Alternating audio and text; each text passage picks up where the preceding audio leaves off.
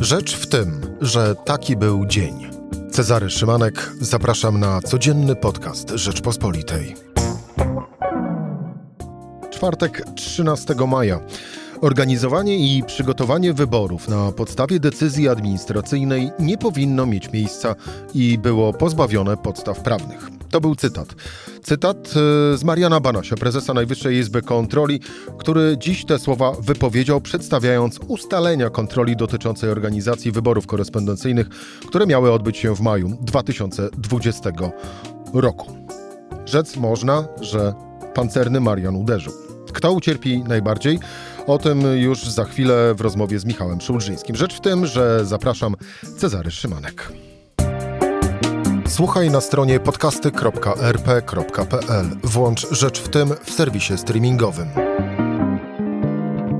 Michał Szulżyński, zastępca redaktora naczelnego Rzeczpospolitej. Michał, dzień dobry. Mm, dzień dobry Cezary, dzień dobry Państwu. Oglądałeś konferencję Mariana Banasia? E, oczywiście, nawet przyznam, wzruszyło mnie to, że w prezentacji na początku były zacytowane dwa moje teksty. O, bo ja przyznam się szczerze, niestety y, konferencji nie oglądałem, zajęty innymi obowiązkami służbowymi. Prezentacja mu przedstawiająca kalendarium i były tam między innymi dwa moje teksty. Jeden z, jeden z nich to był e, komentarz, w którym e, pytałem retorycznie, mm, e, przypomnę Państwu, to był kwiecień 2020 roku i tytuł mojego komentarza brzmiał, czy można aż tak lekceważyć prawo? Stałeś się w. Przypomnę tylko, że e, Najwyższa Izba Kontroli właściwie w całości potwierdziła to, co wówczas pisaliśmy, czyli że wybory przygotowywano wówczas całkowicie niezgodne z ówcześnie obowiązującym prawem. No właśnie, chciałem powiedzieć, że można by było rzec, że stałeś się podstawą owego e, raportu Najwyższej Izby Kontroli. No dobrze, Michał, ale oglądałeś konferencję Mariana Banasia. Byłeś poruszony, wzruszony, podekscytowany, zatrwożony. Jakie emocje? Byłem bardzo zainteresowany. E, znaczy, z dużym zaciekawieniem to wszystko e, oglądałem, e, dlatego że mm, cały czas się zastanawiałem, czy. Bo generalnie nie usłyszeliśmy czegoś gruntownie nowego, bo kwoty mm, e, tych, tych e, transakcji, e, czyli 76,5 mm, milionów poza, ponad, które wydała z jednej strony Poczta Polska, z drugiej Państwowa Wytwórnia Papierów Wartościowych, to mniej więcej wiedzieliśmy. Wiedzieliśmy mniej więcej już od jakiegoś czasu z przecieków, że były opinie krytyczne, które powstały wewnątrz e, kancelarii premiera. Aż znalazły się te, które nie były krytyczne i na ich podstawie. Znalazły się krytyczne, zresztą bardzo ciekawie, ponieważ wśród autorów tych y, opinii, y, które mówią, że premier miał prawo, znajdują się tacy y, panowie jak dr Tymoteusz Zych czy adwokat Jerzy Kwaśniewski. To nie jest zbieżność przypadkowa z Znane są te nazwiska. liderami Ordo Juris. Ordo Juris, właśnie. E, czy też na przykład mecenas Krzysztof Wąsowski, były e, prawnik reprezentujący Kościół przed Kościołem Komisją Majątkową i reprezentujący Prawo i Sprawiedliwość w bardzo wielu czy polityków Prawa i Sprawiedliwości w wielu e, instytucjach i w wielu postępowaniach prawnych. Przy czym, e, jeżeli tutaj dobrze widzę, tak, bo mam to wszystko otwarte przed sobą, analiza panów mecenasów z Ordo Juris wynosi datę 8 maja, a więc trzy tygodnie po tym, jak pan premier decyzję już wydał. E, także tak, to wszystko, jakieś tam elementy mieliśmy, natomiast jak wszystko to zostało postawione razem, e, no to zrobiło wrażenie na mnie. Mm, aczkolwiek y, mam pewne poczucie niedosytu, głównie w związku z tym, co pan prezes Banaś powiedział na końcu, a mianowicie, że tak, dzisiaj kierujemy sprawę do prokuratury e, w sprawie uzasadnionego, podejrzenia popełnienia przestępstwa przez zarządy tych dwóch spółek Skarbu Państwa. Czyli Poczty Polskiej i Polskiej Wytwórni Papierów Wartościowych? Tak, ponieważ one yy, wydały 76,5 miliona złotych wyłącznie na podstawie administracyjnej decyzji e, premiera, który polecił im podjąć czynności e, mające na celu przeciwdziałanie COVID-19. Więc no, tutaj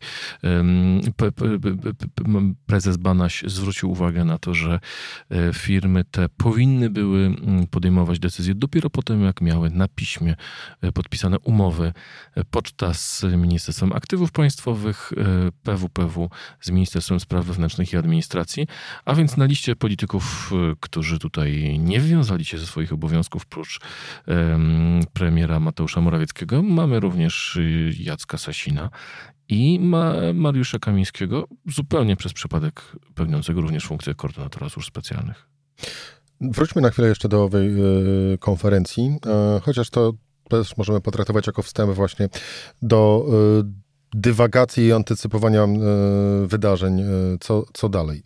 E, Bogdan Skwarka, który był koordynatorem kołowej kontroli, czyli dyrektor Departamentu Administracji Publicznej w Najwyższej Izbie Kontroli, przyznawał wprost, że na podstawie tzw. Tak ustawy covidowej prezes Rady Ministrów mógł wydawać polecenia spółkom i innym podmiotom. Ale rodzi się pytanie, czy mógł na podstawie tego przepisu, kontynuował dyrektor Skwarka, wydać polecenie przygotowania do wyborów Poczcie Polskiej i PWPW i dyrektor Skwarka sam odpowiada zarówno sobie, jak i wszystkim w trakcie owej konferencji, otóż nie miał prawa. No więc na zdrowy rozum to po takim raporcie Najwyższej Izby Kontroli w normalnym, cywilizowanym kraju rząd powinien podać się do dymisji. I tutaj mamy, e, wyjaśnijmy tylko jedną rzecz. Była ustawa z 2 marca, jeżeli dobrze pamiętam, przeciwko, o przeciwdziałaniu COVID-u, COVID-owi i na przykład premier mógł zlecać rozmaitym e, spółkom Skarbu Państwa działania, no na przykład tak jak polecił zbudowanie szpitali tymczasowych. E, Natomiast tu sytuacja była inna. Dlaczego e, pan, pan dyrektor Skwarka mówił, że sytuacja była inna? Dlatego, że e, one dostały polecenia przygotowania wyborów, a za przygotowanie wyborów w dniu 16 kwietnia, kiedy podpisał pan premier tą decyzję, zgodnie z ówcześnie panującym prawem, obowiązującym prawem, za przygotowanie wyborów odpowiedzialna była Państwowa Komisja Wyborcza, a nie spółki Skarbu Państwa. I tutaj jest kwestia e, przekroczenia, czy złamania, czy nagięcia, czy działania niezgodnie z prawem, tak? Dlatego, że wtedy za przygotowanie wyborów odpowiadała Państwowa Komisja Wyborcza, a wybory kopertowe były dopiero uchwalone przez Sejm, ale nie były uchwalone przez Senat, w związku z tym nie były obowiązującym prawem. Sytuacja się zmieniła kilka dni później, e, bo wówczas wszedł w życie poprawka, która była zaszyta w jednej z tarcz covidowych, z tych ustaw covidowych, która mówiła o tym, że e, druk kart wyborczych przechodzi z, e, przygotowanie kart wyborczych przechodzi z PKW na, znaczy, że, że, nie, że nie jest obowiązkiem PKW, bo taką, taką, taką poprawkę, taka została poprawka zaszyta jeszcze wcześniej.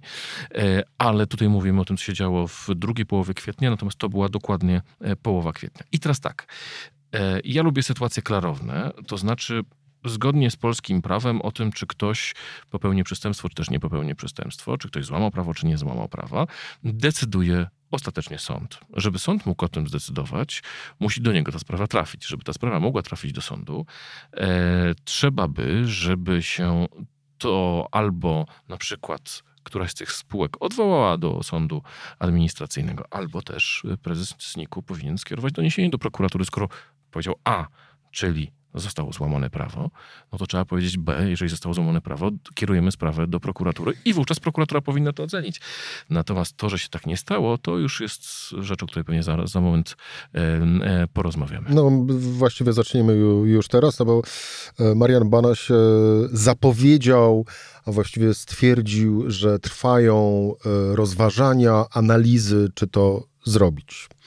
No to ja tak też od razu momentalnie właściwie zastanawiam się y, i tak dochodzę do wniosku, że te, e, za tymi analizami i rozważaniami dotyczącymi tego, czy do, skierować wnioski do prokuratury dotyczące również najważniejszych osób w państwie, urzędników rządu premiera Mateusza Morawieckiego z samym premierem, na, jak rozumiem, na czele, mm, no to te, te rozważania to właściwie są zależne od tego, co się będzie dalej działo wokół Mariana Banasia i wokół jego syna.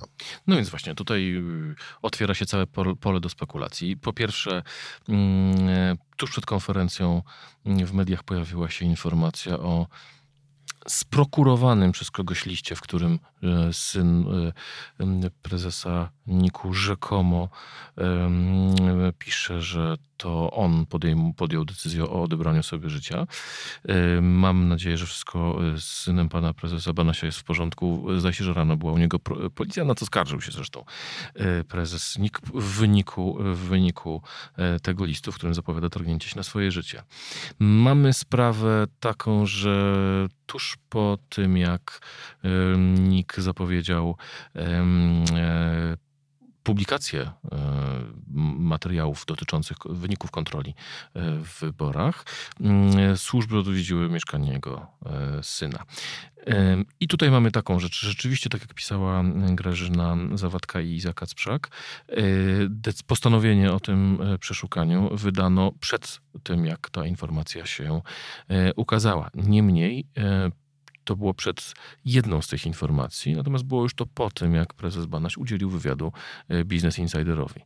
E, a z... którym zapowiedział pierwszy raz owe wnioski. Tak jest. I mamy tu do czynienia z taką sytuacją no, dosyć niepokojącą z jednej strony. Z drugiej strony mamy jeszcze rzecz która działa się, rozgrywała się w sierpniu i e, wrześniu e, zeszłego roku.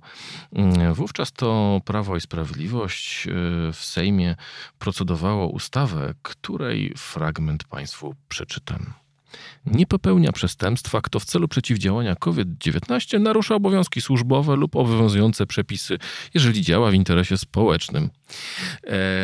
Była to tak zwana ustawa o bezkarności. Od razu wtedy, e, w sierpniu jeszcze chyba PiS przegrał głosowanie, e, żeby się tym zająć. Marszałek Witek ogłosiła, że w takim razie tą ustawą się zajmie Sejm we wrześniu przy okazji Piątki dla Zwierząt. Stanowczo protestował przeciwko temu Zbigniew Ziobro. Ostatecznie postawił na swoim. PiS tą ustawę e, wycofał. Ale wtedy też już z tego co pamiętamy wszyscy, mówiono, że tak naprawdę ta ustawa właśnie została przygotowana specjalnie dla premiera. Dokładnie. Ona została, wówczas myślano, że została przygotowana dla premiera i dla urzędników Ministerstwa Zdrowia, którzy podejmowali wówczas decyzje o pewnych zakupach, które jak dzisiaj wiemy okazały się niezwykle e, wątpliwe. Mm, I teraz, e, jeżeli przypomnimy sobie, co się wydarzyło wtedy, jeżeli przypomnimy sobie, co ten cały spór, to znaczy PiS i premiera, którzy chcą przegłosować ustawę o bezkarności i Zbigniew Ziobro, który mówi, że to jest absolutnie e, niemożliwe. I teraz i widzimy, co się dzieje dzisiaj.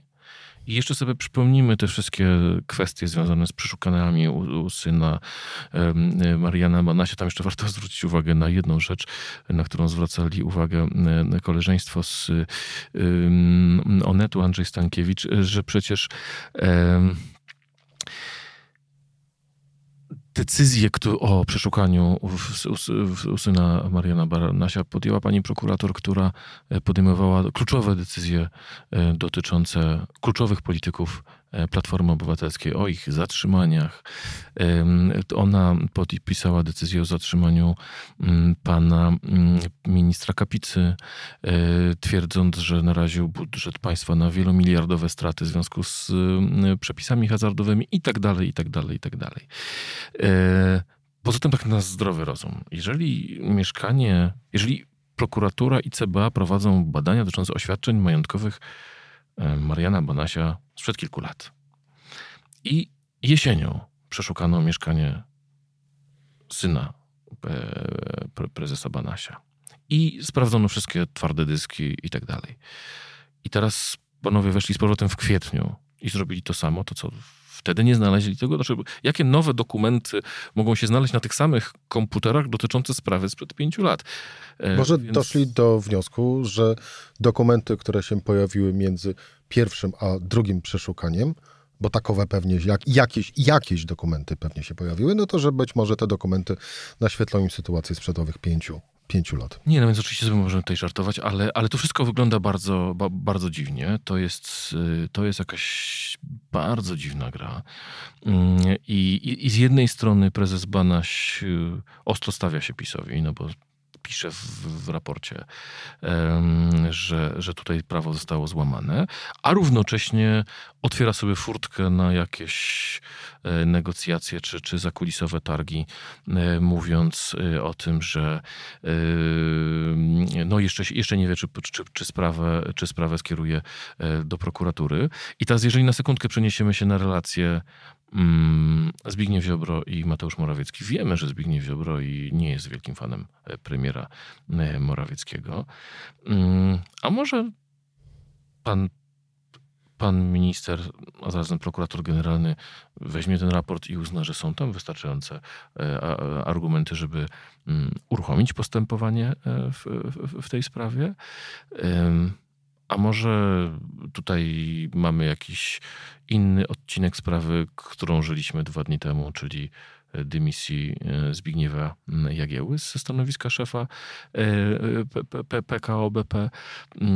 Ja zakładam, że osoby pełniące najważniejsze funkcje w państwie są osobami, e, które mają dobrą wolę i działają uczciwie. E, no ale jeżeli dochodzi do mnóstwa niezrozumiałych wydarzeń, no to musimy zacząć szukać alternatywnych wyjaśnień. E, komisja śledcza? Moim zdaniem komisja śledcza byłaby dobrym rozwiązaniem, przynajmniej żeby wyjaśnić ten wątek dotyczący syna Mariana Banasia. To znaczy, gdy mamy do czynienia z działaniem operacyjnym wobec y, człowieka, który będąc wcześniej, uchodząc wcześniej za lojalnego wobec obozu władzy, został powołany na stanowisko i następnie ta władza stwierdziła, że chyba on taki lojalny nie będzie, no bo widzimy, że rzeczywiście Marian Banaś y, na serio potraktował y, stanowisko, na którym, na którym się znajduje i rozpoczyna się jakaś dziwna gra, to, to wygląda moim zdaniem bardzo, e, bardzo niepokojąco. Marian Baraj zwrócił jeszcze uwagę na e, to, co się działo dwa dni temu, czyli na mm, osiem alarmów bombowych e, w Niku. Mm, no i to wszystko jest takim, takim no, pamiętamy, powstała komisja śledcza kilka lat temu, tylko dlatego, że kilkanaście lat temu, y, że zatrzymano y, ówczesnego szefa Orlenu, pana Jędrzejewskiego, jeżeli dobrze pamiętam. Modrzejewskiego. A ABW zatrzymało go tylko dlatego, że tego dnia odbywała się Rada Nadzorcza, a członek, on był wybrany jeszcze z czasu, za czasów AWS-u. Były to czasy SLD i to był pamiętamy, pretekst do powołania e, afery komisji śledczej, w której mm, pierwsze skrzypce grał ówczesny lider mm, e, a lider LPR-u e, Roman Giertych. Więc jeżeli powołano komisję śledczą w takich sprawach, to, to dlaczego nie miałaby komisja śledcza wyjaśnić tego działania? Spróbujmy to jakoś, Michał, spuentować. I, i, I użyję e, tej metafory e, z początku, czyli e, pancerny Marian uderzył. Kto najbardziej w, w tej chwili dostał? No moim zdaniem najbardziej dostał premier Morawiecki, ponieważ to on ma największy kłopot. Kancelera premiera przedstawiła mm, swoją odpowiedź na raportniku, który sprowadza się generalnie do dwóch zarzutów, że Izba jest zła bo jest niekompetentna i niewystarczająco staranna. A na czym polega ta niestaranność? Ona, na ta niestaranność polega na tym, że przecież był COVID i trzeba było działać w wyjątkowych okolicznościach. Ja tylko przypomnę, żebyśmy byli też e, oddali e, miejsce e, owej stronie. To cytat z rzecznika rządu Piotra Millera, który stwierdził, że, cytuję, to nie premier zarządzał wybory, bo to jest zarzut, który się pojawiał. Premier postawił w stan gotowości przedsiębiorstwa w celu pomocy komisji wyborczej, gdyby taka konieczność była do zrealizowania. W dniu wydawania decyzji administracyjnej część obywateli była uprawniona do realizacji swojego uprawnienia wyborczego właśnie w formie korespondencyjnej. E, to jest koniec tego cytatu i e, jeszcze jeden cytat z rzecznika rządu. Chciałem jednocześnie podkreślić, że wszystkie decyzje o rozpoczęciu technicznych przygotowań do głosowania korespondencyjnego w wyborach prezydenckich były wydane zgodnie z przepisami prawa, co wynika wprost z tych opinii, które publikujemy na naszej stronie internetowej, stronie rządu. Premier oraz szef KPRM działali zgodnie z przepisami prawa. E, i koniec, i kropka. Czyli e, właściwie można to spuentować. Wszystko zrobiliśmy dobrze. Tak, no i bo, bo to, mówiliśmy przed momentem, są te ekspertyzy zamówione, później mówiące o tym, że ustawa covidowa pozwalała premierowi na tego typu działania. I teraz mam wrażenie, że premier ma tutaj kłopot. Premier miał oczywiście gigantyczny kłopot, gdyby Marian Banaś przyszedł z wnioskiem do prokuratury w sprawie działania mm, premiera. Tego nie zrobił. W związku z tym pod tym względem kłopot premiera jest trochę mniejszy. Myślę, że dosyć duże narzędzie, dosyć ważne narzędzie do ręki dostaje Zbigniew Ziobro, ponieważ to on będzie, to, będzie prowadził postępowania w sprawie PWPW i Poczty Polskiej. No, relacje Zbigniewa Ziobry z Mariuszem Kamińskim, któremu podlega PWPW, nie są najlepsze. W związku z tym bardzo jestem ciekaw losu tych, tych, tych postępowań. I myślę, że to, to, to mniej więcej jest, jest taki bilans. W dniu, dwa dni po tym, jak premier Morawiecki został osłabiony odejściem Zbigniewa Jagieły, przychodzi kolejny, kolejny cios, który no, na delikatnie rzecz biorąc pozycji premiera nie polepsza, ale ja tylko przypomnę, co pisałem tydzień temu w komentarzu. E, w PiSie mówią, że to tylko sprawia, że prezes będzie premierowi Morawieckiemu bardziej ufał, bo pokazuje, że był w stanie zrobić wszystko, żeby spełnić jego marzenie o przeprowadzeniu wyborów korespondencyjnych. Michał Szulżyński, zastępca redaktora e, naczelnego e, Rzeczpospolitej. Dopytam, bo jeszcze to jedno. Zbigniew Ziobro i Marian Banaś, taki sojusz potencjalnie gdzieś na horyzoncie? Że to niby z Krakowa i tak dalej. Może to jest jakiś sojusz taktyczny. Znaczy z tego, z tego co wiem, oni nigdy nie, nie byli w jakimś frontalnym konflikcie. W związku z tym być może jest to właśnie jakaś, jakaś że, że może tu powstać jakiś y, sojusz chwilowy, ale, ale ostatecznie to jest tak, że sprawę oświadczenia majątkowego e, Mariana Banasia prowadzi prokuratura razem z CBA, więc to też nie jest tak wszystko różowo. Michał Szulżyński, dziękuję Ci bardzo za rozmowę. Dziękuję bardzo. To była rzecz w tym w czwartek. Cezary Szymanek do usłyszenia po weekendzie.